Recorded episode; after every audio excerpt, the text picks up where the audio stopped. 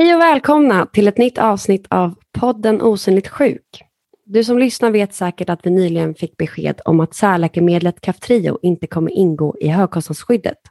En medicin som skulle kunna förbättra livskvaliteten för väldigt många av oss CF-patienter. Vi har ett avsnitt där Joakim och Melina diskuterar hur god effekt Kaftrio har haft för Joakim. Det avsnittet heter Ett nytt liv, en andra chans. Så lyssna på det om ni vill veta mer om effekten av Kaftrio. Det ska också tilläggas att det nu har skickats in en ny förfrågan från läkemedelsföretaget Vertex till Tandvårds och läkemedelsförmånsverket TLV och att processen för att få Kaftrio tillgängligt är igång igen.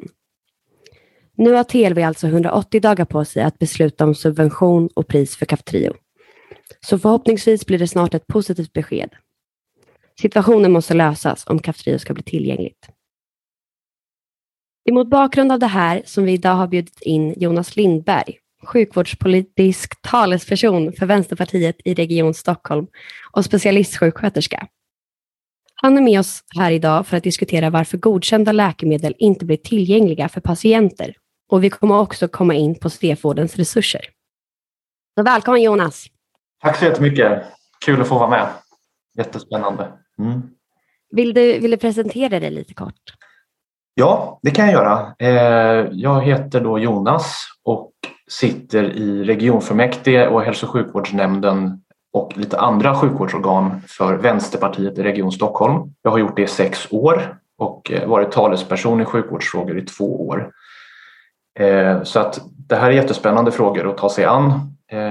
Och annars när jag inte är liksom fritidspolitiker så jobbar jag som jag är specialistutbildad sjuksköterska i intensivvård i grunden eh, men lämnade intensivvården för ungefär fem år sedan och har sedan dess jobbat med någonting som heter avancerad sjukvård i hemmet som är ofta palliativ vård men också eh, avancerad medicinsk vård till patienter som har kroniska eller svåra sjukdomar som behöver eh, omfattande och tuffa behandlingar där vi liksom tar hand om helheten från biverkningar till, till om det är så att sjukdomen inte går att bota utan att man eh, då eh, får god livskvalitet in i livets slutskede helt enkelt.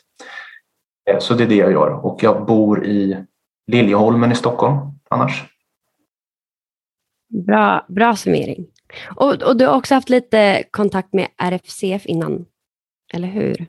Ja, precis. Jag träffade två representanter från RFC Stockholm då i september, oktober var det för att eh, förstå och prata lite grann om vården kring cystisk fibros i Stockholm, i Sverige, men också mycket samtal om det här läkemedlet då, Kaftrio och den processen som var i Tandvårds och läkemedelsförmånsverkets knä då. Liksom. För då var, då var det inte klart kring beslutet än och man pratade lite om hur, hur vi som regionpolitiker, om vi hade någon mandat att liksom trycka på för att det här skulle godkännas och införas eller inte.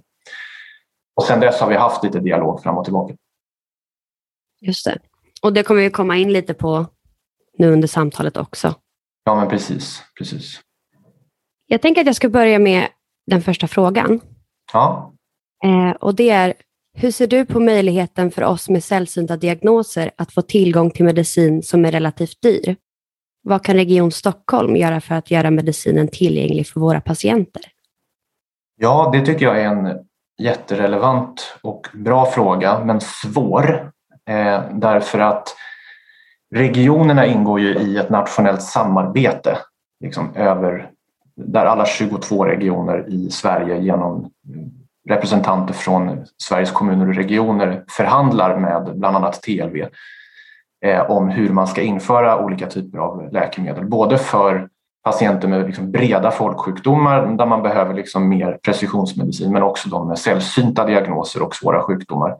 Och det som eh, Region Stockholm kan göra, tänker jag, eh, det är ju att se till att vi har en finansiering i hälso och sjukvårdssystemet i vår region som gör att man också kan bära kostnader för läkemedel som, som införs och att man liksom bär de kostnaderna på rätt ställe. Eh, idag upplever jag att väldigt mycket av kostnader för läkemedel eh, lämpas över på vårdgivare eller på kliniker eller på sjukhusen själva. Och är det så att det kommer ett nytt preparat som är ganska dyrt så tar det liksom, får det väldigt stor budgetpåverkan på den kliniken. Och det gör ju att liksom, införandet av olika läkemedel blir väldigt skört eh, och gör, tror jag, att det här NT-rådet med representanter från Sveriges kommuner och regioner ibland håller emot införande av, av nya dyrare läkemedel. Och då tänker jag att den modellen vi har nu eh, den är ju uppenbarligen inte helt optimal eh, för att det är så att Ehm, jag tror att det finns en större, det verkar finnas en större acceptans för att man liksom tar in dyra preparat för till exempel cancersjukdomar för att det omfattar många fler människor. Men har man en sällsynt diagnos där man erbjuder en i princip det finns bara en eller två behandlingar och den blir väldigt dyr, då är det här systemet inte så bra. Utan då tror jag att man behöver ha någon slags eh, medfinansiering nationellt ifrån som bär kostnaderna för de här typen av läkemedel när de införs. Man måste se på särläkemedel lite på ett annat sätt tror jag än vad man gör på kanske bredare typer av preparat. Och då har man ju pratat i utredningar förut om att det kan finnas en statlig finansieringspott som går in och täcker de här kostnaderna eh, i början i alla fall eh, under några år för att det inte ska liksom belasta den övriga eh, vården så himla mycket som det gör idag. Och det kanske skulle påskynda och göra processen lite enklare att införa, liksom, tänker jag. Eh, så att någon slags nationell bärande finansieringsmodell som, som, som täcker det här. Jag vet att det finns olika uppfattningar om det här. Jag vet att det här NT-rådet inte tycker det. Eh, men, men jag politiskt eh, anser nog att man bör ha en sån modell. Mm. För att då skulle inte regionen behöva betala alla pengar? Precis, utan att det finns en, eh, liksom en särskild statlig pott för införandet av särläkemedel som gör att det kan bli lite enklare att rulla ut de här men sen måste man ju också förstå att det är ju en, det är en väldigt speciell situation för det kommer ju eh, det, kom, det här läkemedlet till exempel som vi pratar om i den här podden idag, det är ju ett amerikanskt bolag som kommer eh, med den liksom innovationen eller den utvecklingen av det preparatet. Och man har ju rullat ut det läkemedlet först i USA på den marknaden i det sjukvårdssystemet som är oerhört speciellt. Det är dyrt och det har försäkringsbolag och eh, man vräker iväg pengar på, på väldigt mycket saker fast det inte kommer människor till del. Och då sätter ju de sin prisnivå lite utifrån den amerikanska modellen när de även går in på andra marknader. Så att jag tänker egentligen att man behöver också man behöver också vara ganska motståndskraftig mot läkemedelsbolagen när de kommer med så höga prisnivåer som de också gör. Till exempel med det här läkemedlet eh, Kaftrio. Eh, det är ju enbart egentligen därför det inte har införts i Sverige just nu, för att det är så oerhört dyrt. Mm. Men, men ska det inte ske en överläggning mellan region och eh, läkemedelsföretaget? Jo, det har ju gjort det en gång. Alltså, eh, Läkemedelsföretaget har ju lämnat in en ansökan först där man har förhandlat med TLV och med NT-rådet. Men då har ju eh, den svenska, de svenska representanterna har ju, har ju inte kommit, man har inte kommit fram till ett bra pris för det här läkemedlet helt enkelt. Eh, och då blir det liksom en ny runda där det här bolaget ansöker på nytt igen och då kanske man kan ta ett nytt omtag. Det var lite så man gjorde med det förra läkemedlet, eh, heter det Orkambi. Orkambi, ja precis. Mm. Ja precis, för det tog också en viss tid innan man fick, till slut fick till en prismodell som man ansåg det här är viktigt. Liksom. Mm. För att det som, det som jag tänker med, med de här sakerna det är att jag förstår att när man tillhör en, en patientgrupp där det i princip inte finns någon bra behandling än så länge och så kommer det en behandling på horisonten som ger eh, ganska bra effekt, då vill man ha det läkemedlet. Det fattar jag. Mm. Problemet blir när det blir en sån prisnivå så att det också kommer tränga undan annan vård som man också behöver när man har den här sjukdomen. Det är den typen av liksom prioriteringar man ställs inför. Vet ni om man ser det i de länderna där man har infört liksom att vårdkedjan annars blir mindre belastad? Liksom? För det är i sådana fall en ganska intressant aspekt att man liksom tänker att då frigör man resurser genom att man behandlar med det läkemedlet. Eller gör man inte det? Det är ju lite det som också tror jag eh, TLV och NT-rådet har tittat på. Vetenskapen för det här läkemedlet. Vad får det egentligen för effekter? Liksom? Ja. Det är väldigt svårt att göra statistik eftersom det är så nytt. Och det har liksom inte varit ute på marknaden så pass länge att man kan liksom följa hur god effekt det har. Men när man har kollat på de som har tagit det så är det väldigt många som mår väldigt bra av det. Ja, men till exempel den här Joakim som var med i förra avsnittet han gick ju upp flera kilo och fick tillbaka normalvikt, sekret försvann. Jag vet inte, det var ju väldigt tydlig förbättring och att han istället kunde börja leva ett liv och liksom kunde vara med i skolan och, och ta hand om ja, sitt liv. Så då var det verkligen att Kaftrio gjorde att man inte skulle behöva lika mycket sjukvård. Och det är väl egentligen den, det är ju den effekten man vill se. Men jag vet inte om det är så att liksom det vetenskapliga underlaget, man letar kanske fortfarande efter att det ska bli sådana här typer av effekter. Det har man ju sett när man har infört, ja liksom man har i princip tillintetgjort hepatit C med en väldigt dyr vaccination. Då får man ju bort väldigt mycket liksom, dyr vård sen för den här patientgruppen som annars kostar väldigt mycket. Men det är väl det, det, är väl det jag tror att eh, man, man, behöver mer av, alltså det vetenskapliga underlaget så att det inte bara blir liksom enskilda fall som, som styr eh, om man väljer att införa det här eh, preparatet utan att man har liksom väldigt mycket på fötterna. Att det här medför sån otrolig nytta kontra riskerna och kostnaderna så att vi väljer att införa det. Och då skulle det vara att det skulle ha gått längre tid med folk som har fått Kaftrio-behandling? Kanske att man har gjort mer omfattande studier på det där man jämför det med, liksom, eh, med, den behandling som finns tillgänglig idag liksom, och jämför. Det är det som också den svenska processen försöker göra, tänker jag. Jämför vi Sverige och Tyskland så är det ju så att alla typer av nya läkemedel det rullas ut på en gång i Tyskland. Och sen så utvärderar man det tror jag efter två eller tre år. Eh, men i Sverige försöker vi ha någonting som heter värdebaserad prissättning där man också tittar på vad får det för undanträngningseffekter? Hur ser vetenskapen ut? Hur ser de andra behandlingarna ut? Hur står det sig? Eh, hur ser riskerna ut? Och sen så bedömer man utifrån det. Liksom. Och jag tror att man behöver ha en process där man inte bara släpper ut ett läkemedel på en gång på marknaden. Liksom. Eh, för det, det, kan få massa andra effekter. Så det, det, är också viktigt att förstå det, tänker jag, att varför det ibland dröjer. Ibland beror det på på den processen men ofta beror det på att läkemedelsbolagen kommer till Sverige med en prissättning som vi tycker är helt oacceptabelt hög. Det blir, det blir så himla svårt för mig att, att tänka att, att det inte hjälper när det har varit så himla många som har fått så god effekt av Kaftrio. Och, och, och, att det är så många i Europa också som har fått det tillgängligt. Precis, och jag tror inte liksom eh, anledningen till att man inte inför det i Sverige beror på egentligen på avsaknad av vetenskap kring läkemedlets effekter. Utan det handlar om en ren kostnadsfråga. Att är det rimligt att det här läkemedlet får kosta tre gånger mer än vad det gör för en annan patientgrupp med en svår sjukdom? Det är det det handlar om och därför så ligger bollen hos läkemedelsföretaget.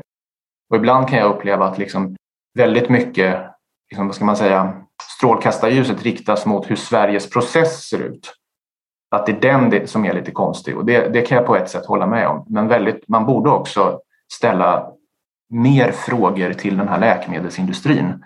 Varför man sätter sådana priser som man gör. Liksom.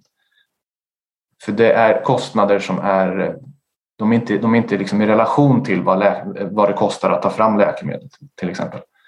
Mm. Ja, så egentligen då på den frågan så, så är det inte i Region Stockholm som du menar att det ligger att kunna tillgängliggöra medicinen. Utan det är mer på ett nationellt plan och att läkemedelsföretaget sänker priset.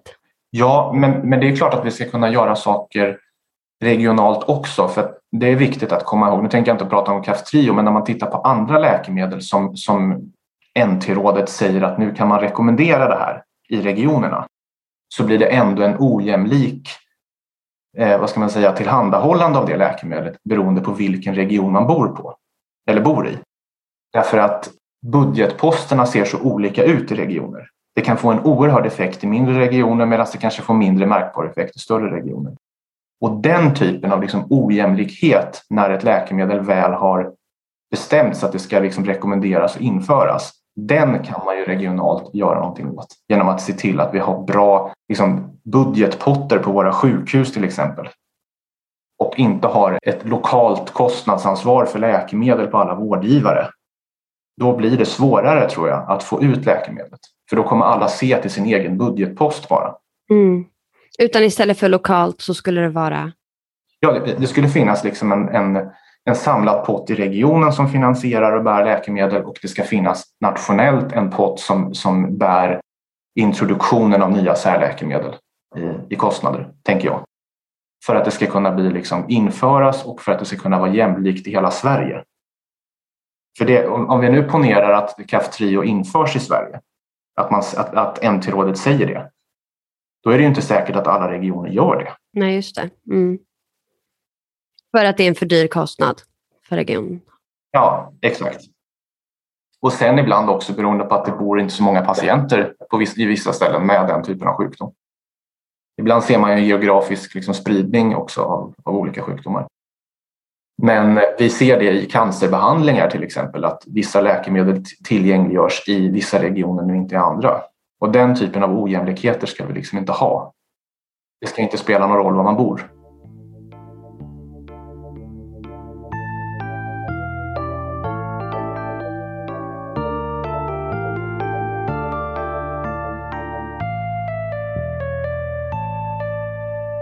Regeringen har tagit fram en life science-strategi och där står det bland annat så här, jag citerar. Life science bidrar till att förbättra hälsa och livskvalitet hos befolkningen, säkerställa ekonomiskt välstånd, utveckla landet vidare som en ledande kunskapsnation och förverkliga Agenda 2030. Life science-strategin har åtta prioriteringsområden och 30 målsättningar, vilka även utgör ramverket för samverkansprogrammets arbete. Slutcitat. Sverige måste kunna använda den här life science-strategin. Tycker du att det har gjorts? I så fall hur? Både ja och nej tycker jag. Alltså jag tycker att man har börjat se mer av att man pratar om de här typen av frågor i, i regionerna. Eller, alltså det här, den, den här life science-strategin den berör ju väldigt många aktörer egentligen som jobbar med att främja människors hälsa. Det är ju allt från läkemedelsföretag till eh, Eh, liksom medicintekniska produkter till sjukvårdssystemet eh, och så vidare. Och det, ja, jag tycker nog att, att det börjar hända en hel del saker. Det börjar komma mer liksom precisionsmedicin i, eh, kanske framförallt i cancervården där man liksom inför eh, mer liksom individanpassade behandlingar som går på, på liksom, liksom cellnivå för att sjukdomarna är liksom individuellt olika. Jag tycker att man börjar prata mer om att vården ska liksom tillämpa senast möjliga evidens i varje vårdmöte. Det är därför man pratar om kunskapsstyrning i vården. Att man ska ta fram nationella program som ska gälla över hela landet så att det inte ska vara liksom regionala ojämlikheter i tillgång till läkemedel och hur behandlingar genomförs.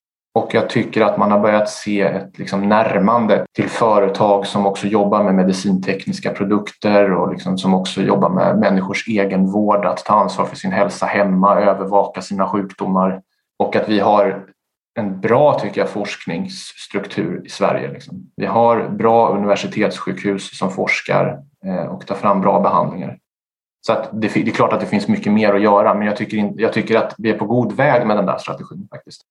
Det som är det största problemet det är ju kanske kompetensförsörjningen i sjukvården och avsatt tid för forskning till exempel. Man pratar ju idag väldigt mycket om vårdcentraler, nära vård. Liksom. Att vård ska flyttas ut dit och så. Och det nämner man ju även i den här life science-strategin. Men man är väldigt dålig faktiskt på att jobba med hälsoförebyggande åtgärder i våra vårdcentraler man är väldigt dålig på att forska på våra vårdcentraler. Och det handlar ju inte om de enskilda vårdcentralerna utan det handlar ju om förutsättningarna som man har fått som är för dåliga. Så där tycker jag att strategin uppenbarligen har väldigt mycket kvar att leva upp till för att det ska kunna funka. Väldigt lätt att ta fram terapier på hur man behandlar sjukdomar som redan är utvecklade. Men vi behöver också förstå vad det är som liksom bygger ohälsa och orsakar sjukdomar, hur vi kan förebygga att man blir patient överhuvudtaget. Och där är vi inte alls lika långt framme. Nej, just det. Och där med, med, CF så är det ju verkligen så att man har inriktat sig på att patienten själv ska kunna göra behandlingen. Det är liksom en förutsättning för att sjukdomen ska gå att kontrollera. Det är ju så med många liksom kroniska sjukdomar att man, att man som patient eh, har väldigt nytta av att känna till sin egen sjukdom, att vara insatt i den. Att kunna ha en viss kontroll genom att kunna sköta en del av behandlingen själv och veta vad man ska göra. Sen är det där tycker jag en balansgång väldigt mycket kring hur mycket ska man liksom skjuta över på egenvård och närstående Ibland så låter det väldigt bra att man bara liksom ger, ger mer och mer makt till patienten. Men det kan också göra att man belastar eh, närstående väldigt mycket som får bära ett oerhört tungt lass. Liksom, som kanske sjukvården skulle kunna göra. Så det där tycker jag man måste, man måste också, tycker jag som patient, kunna välja graden av delaktighet i sin vård. Men att, att förstå och vara insatt i sin sjukdom, det tycker jag är, det är jätteviktigt att man är. Men så om, om det skulle vara så då att läkare och annan vårdspersonal skulle få liksom mer spe, specialistkunskap egentligen? Hur skulle det göra? Skulle det vara spetsutbildning eller vad? Ja, det tycker jag. Alltså det handlar ju dels om, om, om bättre utbildning men det handlar ju också om möjligheterna till kompetensutveckling när man väl har sin legitimation och jobbar på en arbetsplats till exempel. Eh, för att underhåller man inte sin kunskap, då är det som en båt som sjunker. Utan det är någonting som behöver, det behöver finnas avsatt tid för det. Och jag kan se, jag tror att eh, där, vi, idag för vi ut mycket mer och mer sjukvård på vårdcentralerna till exempel. Men de läkarna som jobbar där, de har i princip ingen avsatt tid för kompetensutveckling och fortbildning. Samtidigt som man får mer och mer uppdrag i sitt knä. Och det är en dålig ekvation. Då behöver man styra så att man får viss tid avsatt i sitt schema och i sin anställning för kompetensutveckling och vidareutbildning. Sjukvården måste hela tiden jobba med det. Man kan inte bara liksom vara inriktad på att producera och träffa så många patienter som möjligt utan man måste också liksom vara väl kompetent och göra rätt saker när man träffar sina patienter. Så att man inte bara skickar dem vidare för att man känner att det här kan inte jag hantera och förstår inte. Men så hur får man de resurserna då? Det är ju politiska förslag som man kan lägga. Att vårdcentraler får förutsättningar att ha avsatt tid för kompetensutveckling. Att personal på sjukhus får läsa specialistutbildningar med tid för att man får lön för det och inte behöver ta studielån till exempel. Att man får mer forskningstid. Det är politiska frågor som handlar om hur vi resurssätter vår sjukvård. Och det skulle du vilja? Ja, det vill jag. Ja, absolut. Vi har lagt flera sådana initiativ. Eh, men då, då får vi alltid höra att det är, liksom, det är för mycket detaljstyrning och det är upp till sjukvården själv att välja hur mycket man ska fördela och sånt där. Men de har inte rätt förutsättningar idag att göra det som är rätt. Det säger de själva. Liksom. De efterlyser de här typen av åtgärder. Mm. För det tycker jag man kan se med, med CF-vården att vi har ju väldigt många resurser på så sätt att jag, nu går jag till CF-centret i Huddinge så vi har både liksom läkare och psykolog och sjukgymnast och fysioterapeut och andra på plats för att kunna göra det så bra som möjligt för oss. Men om det är andra sjukdomar än CF så kan vi inte gå till CF-centret med det. Och det blir, eftersom man redan har så himla mycket kontakt med vården skulle det vara väldigt bra att kunna ha allting samlat. Ja, det är det det är lite, det är lite vårdens problem idag tycker jag. Det är den här liksom, att den har blivit så specialiserad så att det är ingen riktigt som kan ta helhetsansvaret ibland. Utan man hänvisas liksom runt. Eh, men det optimala vore ju att, man liksom, att den där typen av vård som, som, som du pratar om nu, att den sköttes via ert CF-center kanske. Och att man använde då eh, läkare från andra ställen som konsultationer eh, vid behov. Istället för att man ska hänvisas ut liksom, till, eh, till någon vårdcentral där allmänläkaren inte förstår. Eh, så. Då är det bättre att man går till ett ställe. Jag tror att det, är liksom, det, blir, det blir färre vårdkontakter och det är också bra. Liksom. Större kontinuitet. Eh, så det där, det där är ett misslyckande i sjukvården, att det, att det fungerar på det sättet tycker jag. Att det är uppdelat men också att det är väldigt specialiserat.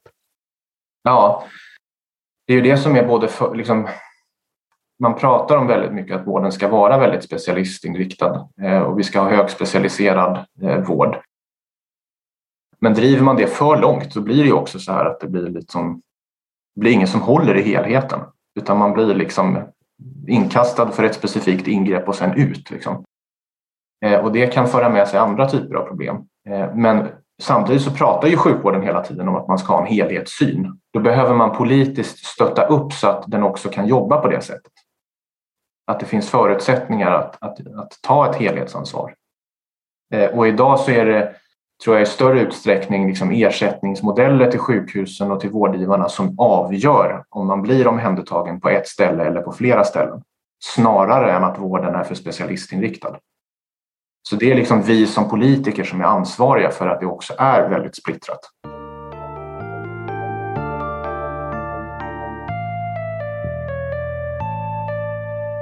En av de åtta prioriteringsområdena är integrering av forskning och innovation i vården. Och i den ingår det att Sverige ska vara ett föregångsland för införandet av precisionsmedicin. Captrio kanske inte är precisionsmedicin, men det är ett banbrytande läkemedel. Hur rimmar det att Sverige ska vara en bra life science-nation, men att nationen inte använder de läkemedel som kommer av life science-industrin?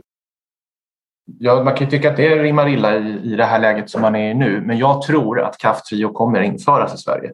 Jag tycker så här att bara för att man ska vara liksom ledande i precisionsmedicin och kunna liksom tillgängliggöra de mest liksom avancerade och bästa terapierna i vårt sjukvårdssystem så betyder inte det att man med hull och hår alltid ska köpa läkemedelsbolagens prissättningar. Utan man behöver också ha ett system som också skyddar vår behovsprioritering i svensk sjukvård så att vi inte bara inför väldigt dyra preparat som sen ställer till det i sjukvårdssystemet i övrigt genom att kostnader inte finns då till andra saker. Eh, så att man behöver ha någon slags grindvakt, det är också viktigt att förstå det. tänker jag. Och sen, det här kanske inte gäller Kaftrio, men eh, det gäller andra eh, precisionsmedicinska behandlingar, kanske inom cancervården, där man inte vet riktigt hur det vetenskapliga underlaget ser ut hur hjälper den här behandlingen egentligen? Och samtidigt så är den jäkligt dyr. Det är ju jättesvåra liksom, prioriteringar man ställs inför. Och då har TLV ganska nyligen gått till regeringen tror jag, med ett förslag om att man kan titta på en annan prismodell som gör att det kan bli enklare att få ut läkemedel i liksom, sjukvården. Och det kallas för utfallsbaserade utbetalningar. Det är att man, man, liksom, eh, man, man kör ut ett läkemedel på Eh, hos patienter. Och sen när det har uppnått den effekten som man säger att det ska göra, då betalar man. Mm. Men det tar liksom tid att utveckla ett sådant eh, ska man säga, betalningssystem. Men man har sagt att med de här, typ, de här nya typerna av liksom terapier som hela tiden kommer nu, där, där de är dyra, ibland tveksam effekt, och, och, vissa patientorganisationer skriker efter dem för att det är liksom det enda halmstrået som är kvar. Då kanske man ska pröva en sån modell istället. Och då kanske det blir lättare att leva upp till den här ambitionen som Sverige har i den här life science-strategin, tänker jag. Vilka läkemedelsföretag skulle ställa upp på det? Det får man ju se, tänker jag. Man får ha ordentliga förhandlingar med dem där jag tror att, jag tror att de också kan uppfatta att den här modellen som är i Sverige är lite knepig. Eh, och jag tror att de, det är klart att de kan uppleva att det blir större krav på dem att liksom verkligen leva upp till det de säger om sin, eh, sin läkemedelsprodukt. Eh, och en del kommer säkert streta emot. Men jag tänker att vi måste ju göra det som är bäst för medborgarna och för patienterna. Eh, vi, vi är inte primärt ansvariga för läkemedelsindustrin och läkemedelsindustrin är ingen altruistisk liksom, organisation eh, som välvilligt vill liksom, hjälpa människor utan det är vinstdrivande koncerner som ägnar sig åt skatteplanering, som lägger väldigt mycket pengar på marknadsföring av sina läkemedel eh, och som har ett stort intresse av att sälja så mycket som möjligt. Och de intressena krockar väldigt ofta med det som patienter behöver och det som är skattebetalarnas intresse, tänker jag. Eh, och då är det ju helt klart så att en sån prismodell som jag pratar om nu med utfallsbaserade utbetalningar skulle göra att det kantrade mer till medborgarintressets fördel framför företagets. Eh, men samtidigt så kanske de skulle få andra vinster på det sättet. Det kanske skulle komma fler människor till del överhuvudtaget. Ja, ja det blir svårt med Kaftrio främst när det liksom har visat på god effekt. Och när, det liksom, när man vet att det skulle hjälpa. Och när det är infört i andra europeiska länder och i USA och att det är godkänt av European Medicine Agency. Men, förstå, men kan, du, kan ni förstå också att man, har, att man i de länder där man rullar ut det här läkemedlet snabbt, liksom med, med en väldigt hög prissättning, också får andra effekter i deras sjukvårdssystem där man tränger undan väldigt mycket annan vård. Liksom. I USA är det ju verkligen så. Eh, att, att eh, liksom, det, är det, som det, är, det är det som blir konsekvenserna om man, om man skulle införa det i, i, på nuvarande sätt med den prissättning som har varit nu. Egentligen borde man prata med de som har suttit i de här direkt skarpa förhandlingarna från MT-rådet om det här. Men det här är ju vad jag som politiker har fått höra. Eh, vi har ju inte heller en modell där, där, där jag som politiker är med och bestämmer över vilka typer av läkemedel som ska finnas tillgängliga i Sverige. Utan jag är ju, kan jag ha synpunkter på strukturen och processen som, som vi har infört för att det här ska gå till liksom, på ett schysst sätt. Det kan jag påverka.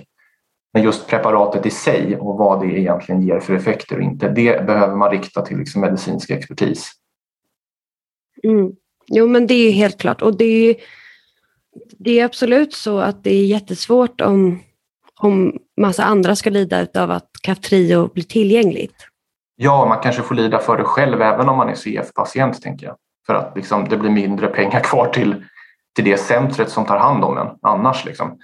Det vet man inte, tänker jag. Det är liksom sådana grejer man, man, man ställs inför. Det som jag tycker är konstigt lite grann när man pratar om svensk process, det är ju att eh, de här representanterna i NT-rådet, de utses ju från Sveriges kommuner och regioner. Deras beslut har man inte samma liksom insyn i som man kanske har i andra myndigheter i Sverige.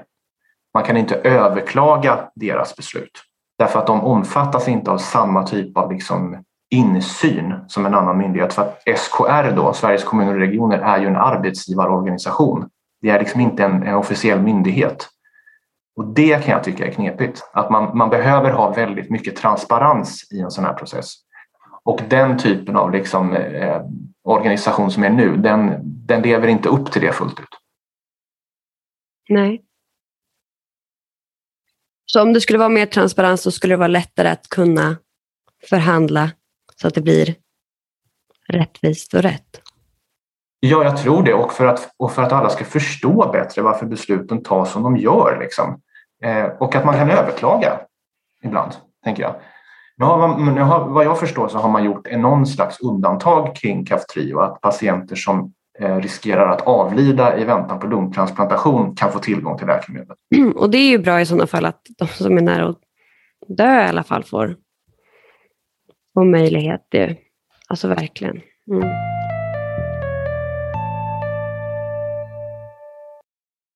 Vad tänker du om att våra grannländer har fått Kaftrio tillgängligt och inte vi? Vilka grannländer är det som har det? Får jag bara fråga det först? Ja, till exempel Danmark, Finland, Storbritannien.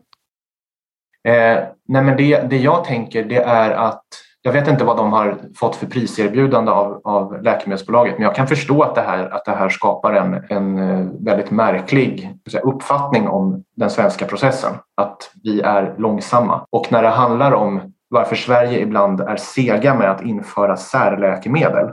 I vanliga läkemedel så ligger vi topp fem tror jag i, inom hela Europa på att införa dem. Men när det handlar, när det handlar om särläkemedel så är vi långsammare. Och då visade det sig, tror jag, att förra året så tittade man i det europeiska läkemedelsföretagarna har någon slags branschorganisation där de själva presenterar uppgifter om varför vissa läkemedel inte har kommit ut och så. Och det visar sig att företagen är ganska sega med att komma till Sverige överhuvudtaget. Så ibland är det liksom där skon klämmer snarare än att processen i Sverige är lite knepig. Att de kommer liksom inte hit. Man ser inte Sverige som en liksom lukrativ marknad eh, riktigt. Sen vad det beror på, det kan man ju diskutera. Men det är det som står i deras liksom, rapporter. Eh, det kan vara bra att veta det. Eh, jag tycker också att det, kan, att det ser konstigt ut, liksom, att man inför det här läkemedlet eh, runt om oss, men inte här. Men då, då, då frågar man ju sig hur, hur ser deras processer ut? Hur betalas det? Har man en sån här liksom, solidarisk statlig medfinansiering i början som bär de här kostnaderna? Eh, massa sådana saker tänker jag. Har man tittat liksom, på vetenskapen? Eh, mot andra läkemedel och så. Eh, det är det jag tänker. Liksom.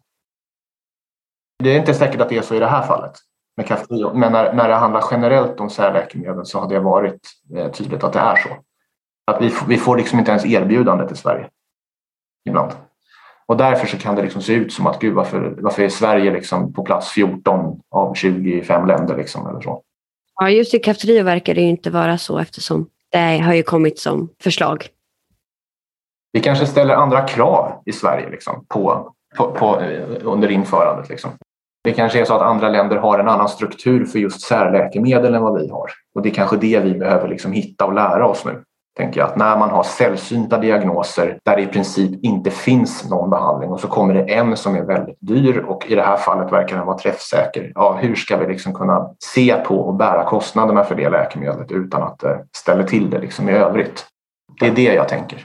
Att, att det är någonting i vår liksom, process för särläkemedel vi behöver ändra på. Just det. Vad kan Region Stockholm göra i den? Det jag tror att vi kan göra det är att prata i vårt organ där de här frågorna tas upp. För vi, har ju, eh, vi kan ju kalla till oss den personen som är ordförande i MT-rådet. Hon är ju representant från Stockholm och har liksom särskilda dragningar kring det här. Men de här besluten kring liksom nationellt införande av läkemedel, det är någonting som ytterst regeringen och socialdepartementet sen behöver ta beslut om. Liksom. Så att man får till en annan process för det här. Eh, man kanske ska ställa andra krav på TLV, man kanske ska ha en annan finansieringsmodell. Men man behöver väcka frågan tror jag, i regionerna lite grann. För det är oftast vi tror jag, som träffar patientföreträdare. Liksom. Det är vi som är ansvariga för sjukvårdsstrukturen i Sverige. Eh, och då är det rimligt att man kommer till oss med det. Liksom. Men det är så jag tänker, att vi behöver liksom lokalt signalera uppåt att den här processen verkar konstig i jämförelse med andra länder och behöver en annan typ av lösning än den vi har nu. Och för det tycker du ändå att den behöver? Ja, det tycker jag absolut att den behöver. Det är helt uppenbart att, att den, liksom, sättet man ser på sällsynta diagnoser och de behandlingarna som finns. Vi har en process för det som tar längre tid än vad det gör för andra sjukdomar. Och det är inte okej. Okay. Nej, visst. Men för det menar ju Riksrevisionen också i den granskningen, att, att någonting måste förändras och att man måste kunna göra eh, saker parallellt i, i liksom förhandlingarna och då även att regionerna ska kunna komma till eh, förhandling tidigare enligt den här granskningen. Precis. Alltså egentligen, man säger ju ibland att Sverige, alltså Sverige borde inleda, eller TLV borde inleda förhandlingar med ett läkemedel långt innan liksom det egentligen har kommit ut på något sätt. Men det, det säger de redan att de gör. Liksom. Sen vet jag inte hur mycket liksom, hur det stämmer eller inte. Men det är klart att ju tidigare man påbörjar en process, desto bättre. Så är det. Men det är väl bra att man lyssnar på Riksrevisionen. Man har ju även tittat i statens offentliga utredningar på det här också. Det är ju därifrån den här idén om liksom statlig eh, pott kommer. Man lyfter det. Jag tittade i en sån utredning inför den här podden till exempel. Att man pratar om det. Liksom. Men att man då upp, det ska finnas vissa kriterier för det. Liksom för, för vilka läkemedel det här ska omfatta. Mm. Vet du de kriterierna?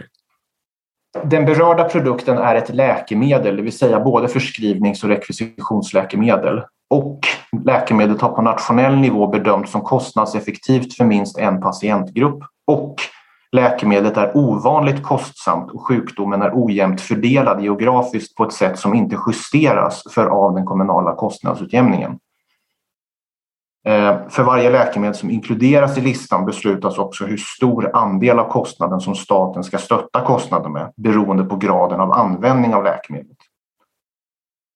Landstinget ersätts årligen för användningen av läkemedlet inom modellen för fördelning av kostnader för läkemedel vid sällsynta sjukdomar. I det fall den beräknade ersättningen överstiger de avsatta medlen minskas den andel av stödet som staten står för. För att få ersättning behöver enskilda landsting se till att försäljningsdata för berörda produkter finns tillgängliga i nationella register. Och då står det så här, modellen med statlig finansiering med en särskild pott för de inkluderade läkemedlen syftar till att ge landstingen incitament att vara aktiva inom systemet med kostnadsfördelning för läkemedel vid sällsynta sjukdomar. Så är det. Så att det finns ju liksom en, och det här är från 2018, en SOU-utredning. Jag tycker det kan vara intressant. Det kanske, kriterierna kanske är lite konstiga och trubbiga men jag tycker liksom att någon slags nationellt bärande pott är, är, är bra.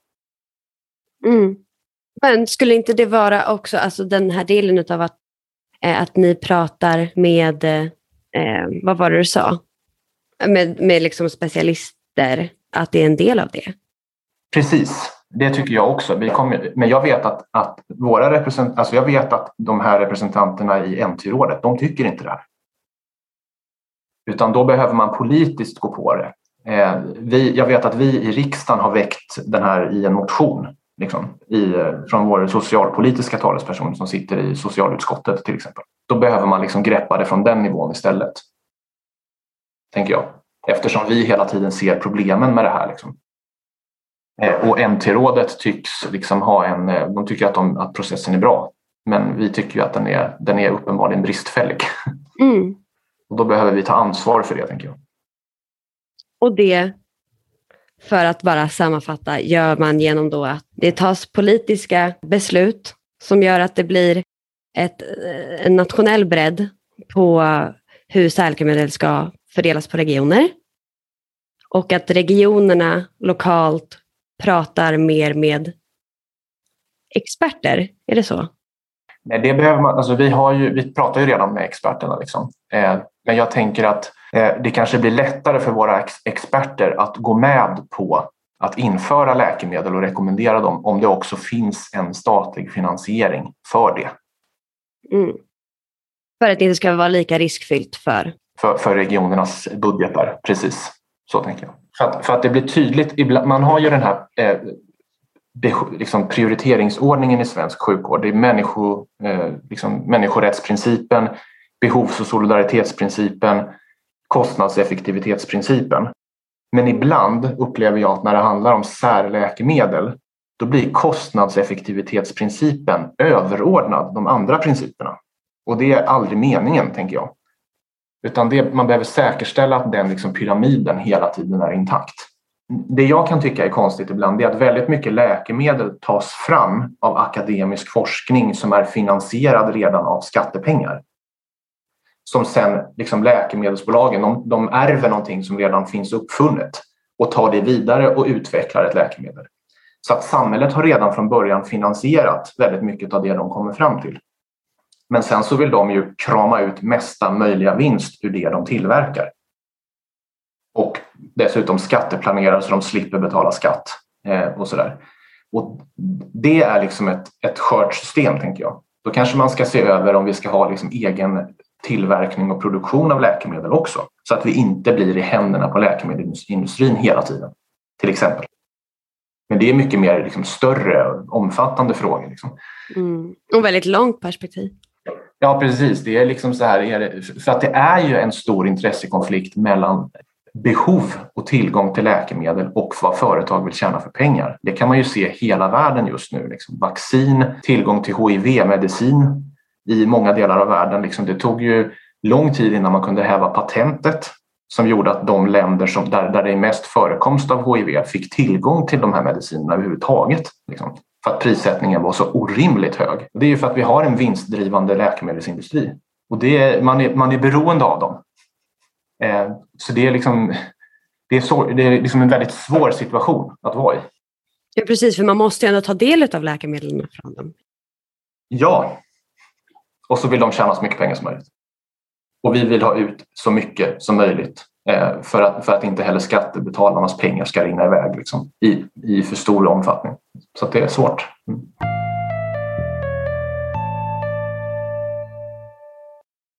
Det är inte rutin att göra screening av nyfödda barn för att se om barnet har cystisk fibros. Med screening skulle barnet kunna få en diagnos mycket tidigare utan att behöva gå mellan olika vårdinstanser med känslan att ingen lyssnar och ingen förstår de allvarliga problemen. Det kan skada förtroendet till vården och eftersom man kommer ha en livslång relation med vården om man har en kronisk sjukdom så känns det fel. Det blir ofta ingen bra start på grund av fördröjd diagnos. Med nyföddhetsscreening och rätt behandling på en gång skulle CF-barnet må fysiskt bättre och alla i familjen skulle få ett bättre förhållande till vården. Det pågår en utredning hos Socialstyrelsen just nu för att införa CF i nyföddhetsscreeningen och en remiss förväntas komma ut i juni i år. Vad tänker du om det här?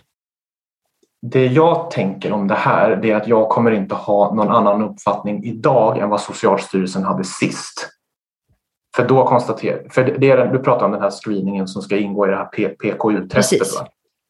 Och när man utredde det då, då kom man ju fram till att man inte rekommenderade någon screening. Dels för att liksom organisationen i Sverige för hur man till, liksom lagrar data av anlag, an, an, liksom, om man bär på anlaget för cystisk fibros eller inte. Det var otydligheter och fanns risker med att man inte kunde skydda de personuppgifterna på rätt sätt. Det fanns inte möjlighet att lagra eh, uppgifter kring vem som har anlag för cystisk fibros i en, i en, i en biobank, eh, tror jag det stod. Och sen så, så såg man inte heller att det fanns så mycket nytta med att göra screeningen i det fallet. Men kommer man fram till en annan liksom, ett annat beslut nu för att organisationen och skyddet för personuppgifter har ändrats och förbättrats så, ser jag, så kan jag absolut tycka att det kan vara rimligt med en screening. Liksom. När jag läste det utlåtandet till varför man sa nej till det sist, och jag tyckte ändå det var ganska kloka liksom, reflektioner. Och då uppfattade jag det som att eh, idag, det här får ni gärna liksom, rätta mig om jag har fel, men de, de skrev att redan idag så ställs diagnosen cystisk fibros väldigt snabbt.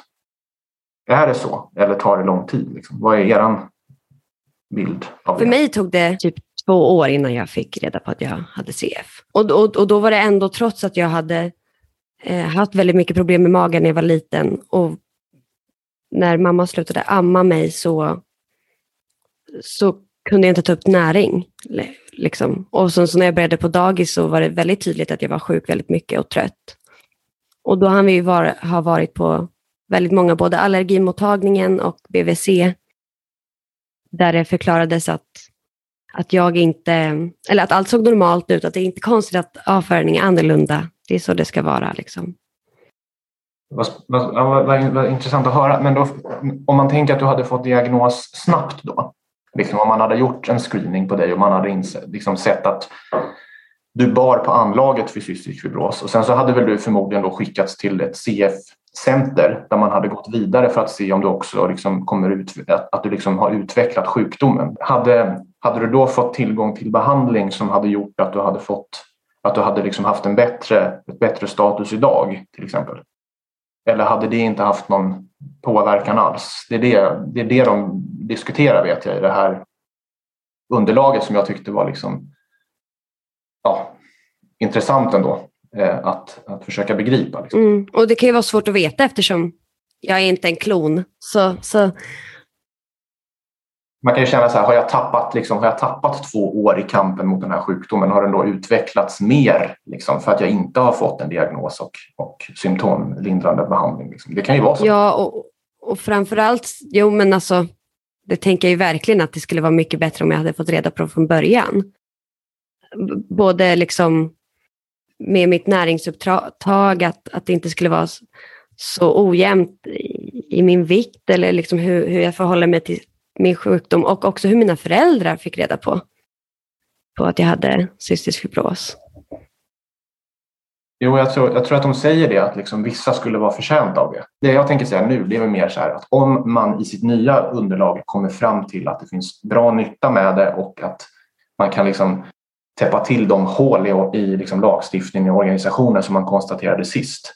Eh, då tycker jag att varför inte? Liksom, det, det, det, det, det, då ställer jag mig bakom det. Liksom. Hur vill ditt parti utveckla vården i Stockholm? Kan det komma oss CF-patienter till del? Ja, det tänker jag. Eh, det som det som vi fick höra när jag träffade de här representanterna från Merat, från Cystisk fibrosföreningen i Stockholm, det är ju att man upplever på det centret som tar hand om cystisk fibros på Huddinge, att man liksom har en krympande budget egentligen. Att det är svårare liksom att, att eh, ha tillräckligt med resurser. Och då tänker jag att det är ju ett kvitto på att sjukhusen överhuvudtaget egentligen har alldeles för låg uppräkning av sina resurser varje år. Och då gör det att klinikerna i princip går back eh, varje år. Man, man brukar säga så här att man räknar upp kostnaderna till sjukhusen med 1,5 procent per år. Men Sveriges kommuner och regioner de, de har något som heter landstingsprisindex där man tar hänsyn till liksom löner och demografi och vårdbehov och sånt. Och de säger att man ska minst ha 2,5-3 procents uppräkning liksom för att en verksamhet inte ska gå back. Så att vi tycker att man ska åtminstone räkna upp resurserna så att de motsvarar behovet.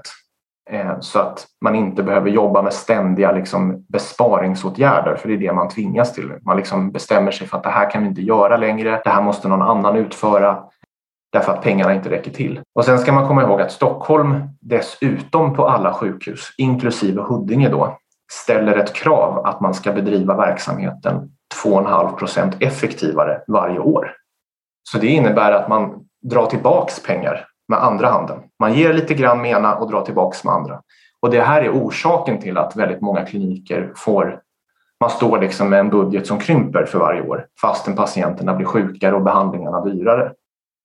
Och då får man sådana här återkommande problem med liksom neddragningar, underskott och besparingar. Så det är liksom det första vi vill täppa till egentligen. Och det skulle innebära att eh, just CF-centret skulle få liksom en, lite mer andrum i, sin, i sina resurser. Sen eh, så tycker vi att vården i Stockholm är alldeles för splittrad och uppdelad. Eh, man hänvisas väldigt ofta till någon annanstans när man är patient. Eh, det är ingen som tar ett helhetsansvar och det här beror på att vi har en sjukvårdsstruktur som är väldigt eh, företagsinriktad egentligen. Man jobbar utifrån marknadsmekanismer eh, där man styr och ersätter företag eller vården som om det vore ett företag. Och då ser man bara till sin enskilda enhet egentligen och ingen som tar helhetsansvar. Och det vill vi ändra på. Där man inte har så stora inslag av liksom marknadstänk, eh, fri etablering för vårdföretag i sjukvårdsstrukturen. Möjlighet att välja vilka patienter man vill ha och då väljer man ofta de som är liksom lättsammare egentligen. Är man liksom multisjuk och har svåra omfattande behov då är man inte förtjänt av att ha en sån här modell. Och sen tycker vi att vårdcentralerna måste få mycket mer eh, bättre förutsättningar och resurser än vad de har idag. Eh, där man inte jagas med att ha så många snabba besök som möjligt utan där man har tid eh, att ta sig an patienter, kunna göra allting på ett besök istället för att man liksom rekommenderas att återkomma med sin nästa krämpa på ett annat besök för man inte har tid som räcker. Eh, och att man har bra arbetsmiljö för, för vår vårdpersonal så att man har liksom, är utvilad, kompetensutveckling på arbetstid och löner som, man, eh, som liksom motsvarar den kompetensen man har. Det är väl de, det är väl de liksom, problemen vi ser i sjukvården idag. Mm. Och, hur, och hur skulle ni ändra dem? Det handlar om, eh, om, om, prioriteringar i vår budget där man tar och styr om väldigt mycket av de medlen som vi har idag eh, till de ställena som jobbar med de svårast sjuka patienterna. Och det innebär att man kommer behöva avveckla väldigt många vårdvalssystem som finns eh, det innebär ju att man har släppt ut sjukvård till väldigt mycket privata företag som får etablera sig var man vill i regionen oavsett var behoven är störst. Och det kan bli jättemycket etablering i innerstan. Det har det blivit. Liksom. Många kliniker som smäller upp där och drar väldigt mycket skattepengar från patienter som kanske inte har så omfattande behov. Eh, och då behöver man gå in och reglera det och säga att vi kan inte hålla på att styra vården på det här sättet utan vi måste liksom ha en mycket tydligare behovsstyrning där vi riktar resurserna till, till sjukhusen och till vårdcentralerna som tar hand om de som har störst behov helt enkelt. Det är en sån sak som vi, som vi vill göra. Vi vill sluta betala för eh, nätläkare. Det kostar i runda slängar 150-200 miljoner kronor per år som bara rinner iväg. Och det är oftast friska människor i Stockholms innerstad som använder de här tjänsterna. Kostar jättemycket pengar, det avlastar inte vården. Eh, till exempel. Så att vi, liksom, vi väljer att prioritera och då är det de som har störst behov som kommer först. helt enkelt. Och riktade satsningar för arbetsmiljöförbättringar. Att man får möjlighet till kanske kortad arbetstid med bibehållen lön och så på, på sjukhusen. Mm. Ja, det låter ju gött för, för CF då, om det skulle bli